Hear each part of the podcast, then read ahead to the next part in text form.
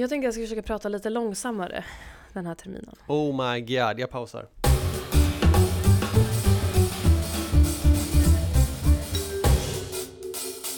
Varmt välkomna till Juristerna svarar. Det här är det 43 avsnittet av Företagarnas podcast där du som lyssnar ska få tips, svar och råd som hjälper dig i din företagarvardag.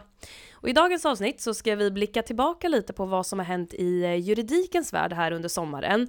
Och det ska vi göra genom att gå igenom några av de nya lagarna och reglerna som trädde i kraft den 1 juli sommaren 2023. Jag heter Oksana Ekemenko Och jag heter Hampus Löfstedt. och vi arbetar på Företagarnas juridiska rådgivning. Välkomna till podden! Välkomna! Hur har din sommar varit Hampus? Vi har ju gått om varandra typ hela sommaren. När jag gick på semester så kom du tillbaka. Så vad, hur har det varit? Vad har du gjort? Ja men precis så. Eh, det har blivit lite sommaruppehåll för oss här i podden. Eh, sommaren har varit fantastisk. Jag var naturligtvis på Sicilien efter att ha sett en viss tv-serie och sen slappat på Gotland och lite allt möjligt. Eh, Hur har det varit Oksana?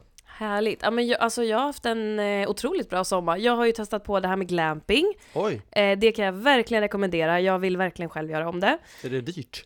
Ja, just det här var ändå ganska dyrt. Det känns ju så.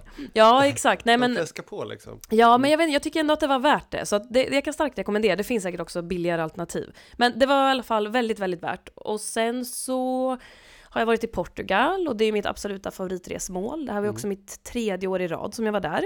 Så att det är någonting jag uppenbarligen aldrig tröttnar på. Och sen har det ju varit lite födelsedagsfiranden och lite bröllop och sådär. Mm. Ehm, men jag tycker kanske att det skönaste av allt, för mig i alla fall, det är att alla de här aktiviteterna skedde liksom under mina typ två, två och en halv första veckor av semestern. Vilket gjorde att jag sen hade ungefär lika långt kvar och bara ta det lugnt och göra lite, lite vad jag kände för. Och ta semester från semestern. Exakt, precis. Ta semester från semester. Nej men så att det har varit eh, tippetopp. Ja men det där med Portugal, det verkar ju vara något som man ska skriva upp på listan. Men härligt! Eh, Du, idag ska vi prata om lite nya lagar och regler som du sa, som Mm. trädde i kraft första juli, förutom en bubblare som jag har slängt in. Och det ska väl nämnas att vi inte tagit med alla, utan valt ut några som vi tror är lite extra viktiga för er lyssnare som har företag då. Vilka ska du prata om Oksana? Ja, precis. Jag kommer berätta lite mer om den nya momslagen, om tillfällig skattefrihet eh, på laddel på arbetsplatsen, Mm. om den nya lagen gällande kommuners ansvar för brottsförebyggande arbete och om att undersköterska numera är en skyddad titel. Du då? Ja, jag- ska prata om krav på tillstånd för spelprogramvara, Mm, eh, slopat eh, så kallat danstillstånd. just det. Och en bubblare då eh, krav på klimatdeklaration som faktiskt funnits med ett tag. Mm, det vara. spännande, spännande. Ska vi säga så? Det tycker jag. Eh, nya momslagen. Jaha, nya momslagen då. Eh, vi hade ju en mervärdesskattelag. Jag kommer fortsätta säga momslag. Men Mm, den mm. heter ju egentligen då mervärdesskattelagen. Eh, innan första juli 2023 så hade vi en från 94. Och den har då ersatts med en helt ny lag. Eh, och i huvudsak så är det ju egentligen mest så författningstekniska ändringar som har gjort. Alltså att Mm. man har strukturerat om bestämmelserna och anpassat språket och termerna och sådär. Eh, moderniserat den helt enkelt Mm. för att ja, fler ska kunna förstå och tillämpa den bättre. Men sen finns det också några helt nya bestämmelser. Och de här bestämmelserna behandlar interna tjänster i grupper av föreningar och andra aktörer som bedriver verksamhet av allmän intresse. Och jag tänker så här att det är möjligt att vi kommer få anledning att eh, prata lite mer om moms och därmed kanske nya den här nya momslagen i ett senare poddavsnitt. Så eh, ja, jag tänker att jag stannar här så länge. En nyhet! Ja. Då kör vi nästa. Tillstånd för spelprogramvara. Jo du, från den 1 juli 2023 Oksana, så krävs enligt spellagen då tillstånd för att hantera spelprogramvara. Jaha, vad är spelprogramvara tänker du? Precis så tänker jag. Ja, jo det ska jag berätta. Ja. Spelprogramvara är alltså eh, citat programvara som är designad för att särskilt användas vid licenspliktigt spel om pengar. Mm. Det kan till exempel vara programvara som styr sådana där slottmaskiner Aha. eh, online då, eller programvara som, som ordnar med betting online eller vadslagning, programvara som registrerar lagda bets och fördelar vinster och eh, speltransaktioner. Okej, och du sa att det finns ett tillståndskrav. För vilka är det som det här tillståndskravet gäller? Det är det som är lite speciellt. Det gäller nämligen inte bara spelbolagen som sådana, utan eh, det gäller även tillverkarna eh, av den här spelprogramvaran. Då. Men också då de som tillhandahåller, men de som också installerar och ändrar spelprogramvara som används vid online-spel enligt sjunde kapitlet och åttonde kapitlet i spellagen. Okej. Det gör att det är inte bara de här företagen som är de, de vi ser utåt, alltså liksom kasinoföretagen eller Mm. spelföretagen, bettingföretagen eller vad man kallar dem för, som genom sin spellicens då har tillstånd. Eh, utan det här gäller då även underleverantörer, alltså de som gör programvaran till de här bolagen. Mhm. Okej. Så, eller gör och installerar, och, Ja, som jag nämnde. ja. Här tänker man sig att det ska ge en tryggare spelmarknad genom att förstärka spelregler och, och i proppen nämner man att man helt enkelt vill säkerställa ett starkt konsumentskydd och en långsiktig hållbar spelmarknad. Den kanske ärligaste förklaringen till den här förändringen som, som jag stötte på, det var ju egentligen att det här gör att det blir svårare för spelföretag som inte har spellicens för, för online-spel här i Sverige då, att, att få tillgång till spelprogramvara. I och med att då även underleverantörer måste ha tillstånd. Mm, mm. Eh, prislappen är 120 000 kronor och en ansökan ska göras till Spelinspektionen. Det var det. Det var det. Ja. Tack för det. Skattefrihet av laddel på arbetsplatsen. Eh, om en arbetstagare som kör en elbil eller en laddhybrid till och från arbetsplatsen laddar sin el- elbil hos arbetsgivaren så är ju huvudregeln då att eh, laddelen, alltså Mm. elektriciteten, Mm. det är en så kallad skattepliktig förmån för den anställde. Men som eh, ett led i den så kallade gröna omställningen så har ju regeringen fattat beslut om att tillfälligt ta bort den här skatteplikten på laddel. Så att det här betyder att arbetstagare som kör ett eldrivet fordon till sin arbetsplats och eh, laddar sitt fordon i en ladd, laddningspunkt eller eluttag som tillhandahålls av arbetsgivaren i anslutning till arbetsplatsen då, eh, helt enkelt inte ska beskattas för den förmånen. Och eh, det här är bara ett tillfälligt undantag som det ser ut nu och det gäller då till utgången av juni 2026. Du menar alltså att om man har en elbil Eller elcykel, eller Ja. elmoped. och så tar man den och kör till, till jobbet varje dag, ställer sig på en parkeringsplats där och laddar och så åker man hem. Sen blir det tisdag och onsdag, det fattar vad jag menar. Liksom måndag till fredag, Mm. hejsan svejsan. Mm. Och sen då är den fulladdad där sen på fredagen och så länge man liksom inte kör en full tank över helgen så, så har man gratis bränsle, är det det du säger? Ja, det är precis det jag säger. Mm. Men bara till slutet av juni 2026. Ah, och om det nu är gratis att ladda där man checkar in, kan man ju tänka. Precis. Mm. Spännande! Jajamän. Mm. Krav på klimatdeklaration. Lite av en eftersläntrare för ett avsnitt som heter Nya lagar, eh, lagar sommaren 2023. Men jag tänker att krav på klimatdeklaration ändå får vara med här för att det har skrivits så mycket om det på det så kallade nätet. Sedan den 1 januari 2022 gäller eh, krav nämligen vid uppförande av nya byggnader på att byggherren ska upprätta en så kallad klimatdeklaration och lämna in den till myndigheten Boverket. Eh, Vi pratar om, alltså om ett krav som gäller för nya byggnader som kräver bygglov. Okej, och du sa att byggherre eh, ska upprätta en klimatdeklaration. Vem, vilken part är byggherren i ett sånt här projekt? Just det, vem är byggherren? Jo, byggherren är liksom den som för egen räkning uppför eller låter uppföra byggnaden. Så om Mm. jag anlitar ditt byggföretag för att bygga ett hyreshus åt mig, då är det jag som är byggherren. Okej. Ska en sån här klimatdeklaration lämnas in för alla byggnader då? Eh, undrar du ju. Ja, det undrar jag. Ja. Eh, nej, säger jag då. Okej. Ja, som jag hintade om så ska sån här klimatdeklaration inte lämnas in om byggnaden inte kräver bygglov. Just det, du sa de nya byggnaderna som, Som- kräver just bygglov. precis. Mm, just det. Eh, säg ett så kallat attefallshus då, Mm. behöver man inte lämna in en sån här klimatdeklaration för. Mm. Sen byggnader som har eh, tidsbegränsade bygglov som är avsedda att användas i högst två år också undantagna. Byggnader för industri eller verkstadsändamål. Ekonomibyggnader för jordbruk, skogsbruk eller annan liknande näring. Byggnader som inte har större bruttoarea än 100 kvadratmeter. Och byggnader som är avsedda för totalförsvaret och slutligen byggnader som har betydelse för Sveriges säkerhet. Mhm. Och de, för sådana här typer av byggnader ska, behöver man alltså inte lämna in en klimatdeklaration? Precis. Okej. Men det finns även ett ganska viktigt undantag som inte utgår från själva byggnaden, utan från vem som är själva byggherren. För jag ser ju på dig nu att du sitter där och tänker, hur blir det om man själv får för sig att bygga ett strandhus eh, över 100 kvadratmeter mm. någon, någon, gång i livet? Ja, det var precis det jag tänkte på. vad, vad gör jag då liksom? Klimatdeklaration, Exakt. inte klimatdeklaration? Om jag får en strandtomt, vad händer då? Ja. Mm. Jag får aldrig strandtomtar, så himla trist. Och väl funderat Sören, för det är nämligen så att om byggherren är en fysisk person, och det är ju du och jag, ja. Och som på annat sätt än i näringsverksamhet uppför byggnad, eh, den är inte skyldig att upprätta eller ge in en klimatdeklaration. Så hejsan svejsan, privatpersoner är helt enkelt undantagna.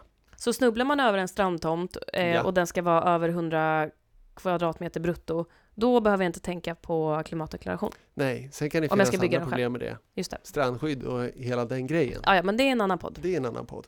Men eh, vad är en klimatdeklaration då? Vad är det man ska göra och lämna in? Ja, alltså klimatdeklaration är en kartläggning och redovisning av byggnadens klimatpåverkan. Eller klimatavtryck då, som man också mm. kallar det för. Man ska som byggherre då eh, redovisa bland annat förutom då information om byggnaden och, eh, som sådan och sig själv då såklart så även lämna in data på klimatpåverkan eh, både från råvaruförsörjningen i produktionsskedet, transport i produktionsskedet, tillverkning i produktionsskedet, eh, transport i byggproduktionsledet och bygg och installationsprocessen i byggproduktionsskedet. Mm, det är en del med andra ja, ord. eller hur? Och man pratar ju om bland annat ja, utsläpp av eh, växthusgaser och sådant. Okej. Vad, vad, finns det för krav kopplat till det här då? Alltså hur, hur, stort eller hur stort får det här klimatavtrycket vara? Faktum är att i dagsläget så är det faktiskt bara med, med kaninören då kanske eh, att det ställs krav på själva redovisningen. Så det finns idag inget gränsvärde för hur mycket man får släppa ut vid en byggnation och det kan ju, kan ju låta konstigt eh, men tanken är ju att det ska komma ett gränsvärde här 2027. Så tills dess så kan det här användas för statistik och forskning och så då. Och inte minst då kan man gissa för Boverket att komma med en rekommendation kring var gränsvärdet ska ligga. Just det. Ja, man måste ju börja någonstans så att säga. Mm. Precis, var gränsvärdet ska vara. Mm. Bra, tack! Så, så var det! Kommuners ansvar för brottsförebyggande arbete. Ja, det är precis vad det låter som. Det har mm. kommit en helt ny lag kring det här som då kom första juli. Och eh, den här lagen innebär att eh, kommunerna ska ja, men, ska bidra mer till samhällets brottsförebyggande arbete genom att utföra vissa ja, vissa lite närmare beskrivna uppgifter helt enkelt. Eh, och syftet med den här lagen det är att säkerställa att kommunerna utifrån ett eh, kunskapsbaserat underlag tar ställning till just behovet av brottsförebyggande åtgärder inom sitt geografiska område då och sen även tar ett visst ansvar för samordningen av det här brottsförebyggande arbetet. Okej, men om vi ska konkretisera det här lite. Vad är det då kommunen ska göra egentligen enligt den här nya lagen? Ja, precis som du sa, med betoning på försöka mm. konkretisera. Mm. Eh, jo, men det man kan läsa i förarbeten är att kommunerna ska, som sagt, utifrån ett kunskapsbaserat sätt, vilket ju alltid är bra, men, men kommunerna ska alltså då kartlägga brottsligheten mm. och även konsekvenserna då för den här brottsligheten inom kommunens eh, geografiska område. Sen ska man också komplettera och analysera det här resultatet och sammanställa det här i en lägesbild. Och med den här lägesbilden som underlag så ska kommunerna sen ta ställning då till behovet av åtgärder för att kunna förebygga den här brottsligheten. Och allt det här ska formuleras i en åtgärdsplan. Och det som är väldigt bra här, eh, det är ju faktiskt att den här åtgärdsplanen ska sen följas upp eh, vartannat år. Mm. Det är ju så konkret det bara kan bli. Och det är ju väldigt bra. Mm. Och vem i kommunen är det som ska göra det här? Eh, det är ju kommunstyrelsen som kommer att ansvara för ledningen och rapporteringen om det här brottsförebyggande arbetet. Och rapporteringen sker då till kommunfullmäktige. Aha. Inget krav på danstillstånd på platser som inte är offentliga. ja, varje sommar när det är nyhetstorka, vet du vad som dyker upp då i, i media som amen i kyrkan, Oksana? Ja, det vet jag. Det är ju typ så här, här har du de fem bästa tipsen för att få en snygg bränna, eller fem bästa tipsen för att lyckas med grillningen. Det är väl alltid det som dyker upp. Ja, men så är det, men det, det, det är också så att eh, du kan ge dig på att det att de, ger, att de intervjuar någon stackars restaurangägare någonstans som uttalar sig om galenskapen i att de måste ha tillstånd för om deras gäster skulle få feeling, Mm. börja dansa, eller hur? Och dessa, Ja, absolut. ja, och dessa artiklar kommer nu vara ett minne blott, förstår du. För, Skönt. ja, Mer fokus på bränna och grillning. ja, från och med den första juli 2023 krävs inte längre tillstånd för offentliga danstillställningar som håller på platser som inte är offentliga. Jag tänkte, jag var beredd med ett woho! Ja, okej. Eh, det vill säga restauranger och nattklubbar. Woho! Ja, tjo!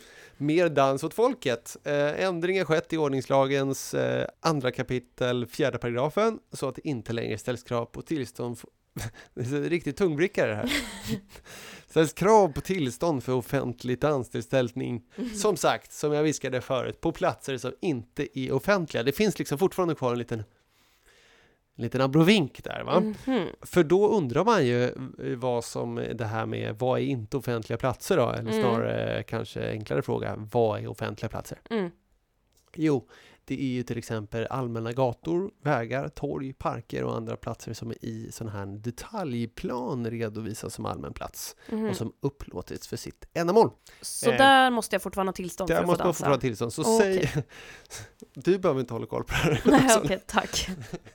Så har man en restaurang som eh, säger att den är tillfälligt uppslagen på något torg det är under kalasfestivalen, en dylikt gammal Mm. referens. Men, eh, Det är bra namn. Det är ett bra namn på en festival. det är bra namn, så slipper man ansöka om tillstånd. Okej, men om jag vill anordna en dans på en eh, allmän gata i Stockholm, då måste jag alltså ansöka om tillstånd. Ja men precis, precis. Men, men för att gästerna ska få dansa på restaurangen då så krävs inte längre något tillstånd. Men har det ersatts med någonting annat eller? Eh, ledande fråga. Ja. Mhm. Ja, för så lätt kommer eh, restaurangägarna inte undan förstår du. Nähä. Eh, nej, det här har ersatts med eh, ett anmälningssystem. Men det är inte så farligt. Man ska egentligen då bara anmäla till Polismyndigheten att här ska det dansas. Mm. Och det kan man göra eh, muntligen och det är också kostnadsfritt. Mhm, Så. ja men då så. Ja. Kul! Undersköterska blir en skyddad titel. Eh, för att kvaliteten och säkerhet i vård och omsorg ska kunna säkerställas, eller kanske till och med öka, så har yrkestiteln undersköterska blivit en skyddad titel.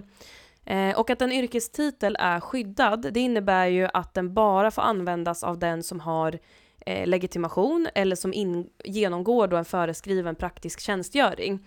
Och den som saknar sån här behörighet får inte heller använda en titel som kan förväxlas med den skyddade titeln. Aha, så vem får då använda den här skyddade titeln undersköterska? Jo, det är då den som har genomgått en utbildning med inriktning på vård och omsorg på Mm. gymnasiet eller på komvux. Mhm. Eller om man på annat sätt har förvärvat motsvarande kompetens. Och om man då har fått bevis helt enkelt att använda den här yrkestiteln. Vem är det som eh, bestämmer det då? Det är faktiskt Socialstyrelsen. Mm. Så att eh, det är dit man skickar in sin ansökan och det är de som utfärdar ett bevis då om rätten att använda yrkestiteln undersköterska. Okej, men behöver man som arbetsgivare göra något med anledning av det här beslutet? Ja, alltså det är ju den enskilde yrkesutövaren som ska ansöka då eh, om det här beviset att få använda titeln undersköterska. Och eh, den som var tillsvidareanställd per den 1 juli 2023 har faktiskt 10 år på sig att ansöka om ett sådant bevis. Så Mm. att senast 30 juni 2033 ska en sån ansökan vara inne. Eh, och under de här 10 åren då, då får personen arbeta som vanligt och fortsätta kalla sig undersköterska. Mm. Eh, Men sen som sagt måste man då ha det här beviset. Eh, Och det som arbetsgivaren egentligen behöver göra det är väl att så småningom då se över sin personalstyrka och undersöka vilka som får behålla titeln undersköterska och vilka som ja, helt enkelt behöver byta titel. Just. Men, men det ska också sägas här att de som behöver byta titel, de kommer ju kunna fortsätta utföra samma arbetsuppgifter som tidigare, men just under en annan yrkestitel än undersköterska. Okej, nej men spännande. Då vet vi det. Undersköterska är numera en skyddad titel. Mm, mm. Då tror jag faktiskt att vi har gått igenom de eh, nya lagar och regler som vi valde ut för dagens avsnitt. Och som medlem i Företagarna kan du utan kostnad eh, ringa till oss och våra kollegor på den juridiska rådgivningen och få personlig hjälp. Du når oss på 0771 45 45 45. Klippningen den är gjord av Petra Chiu och eh, producenten David Hagen. Och vi, vi hörs igen om två veckor. Tack för att vi och ni är tillbaka. Eh, tack för att ni lyssnat. Hej då! Hej då!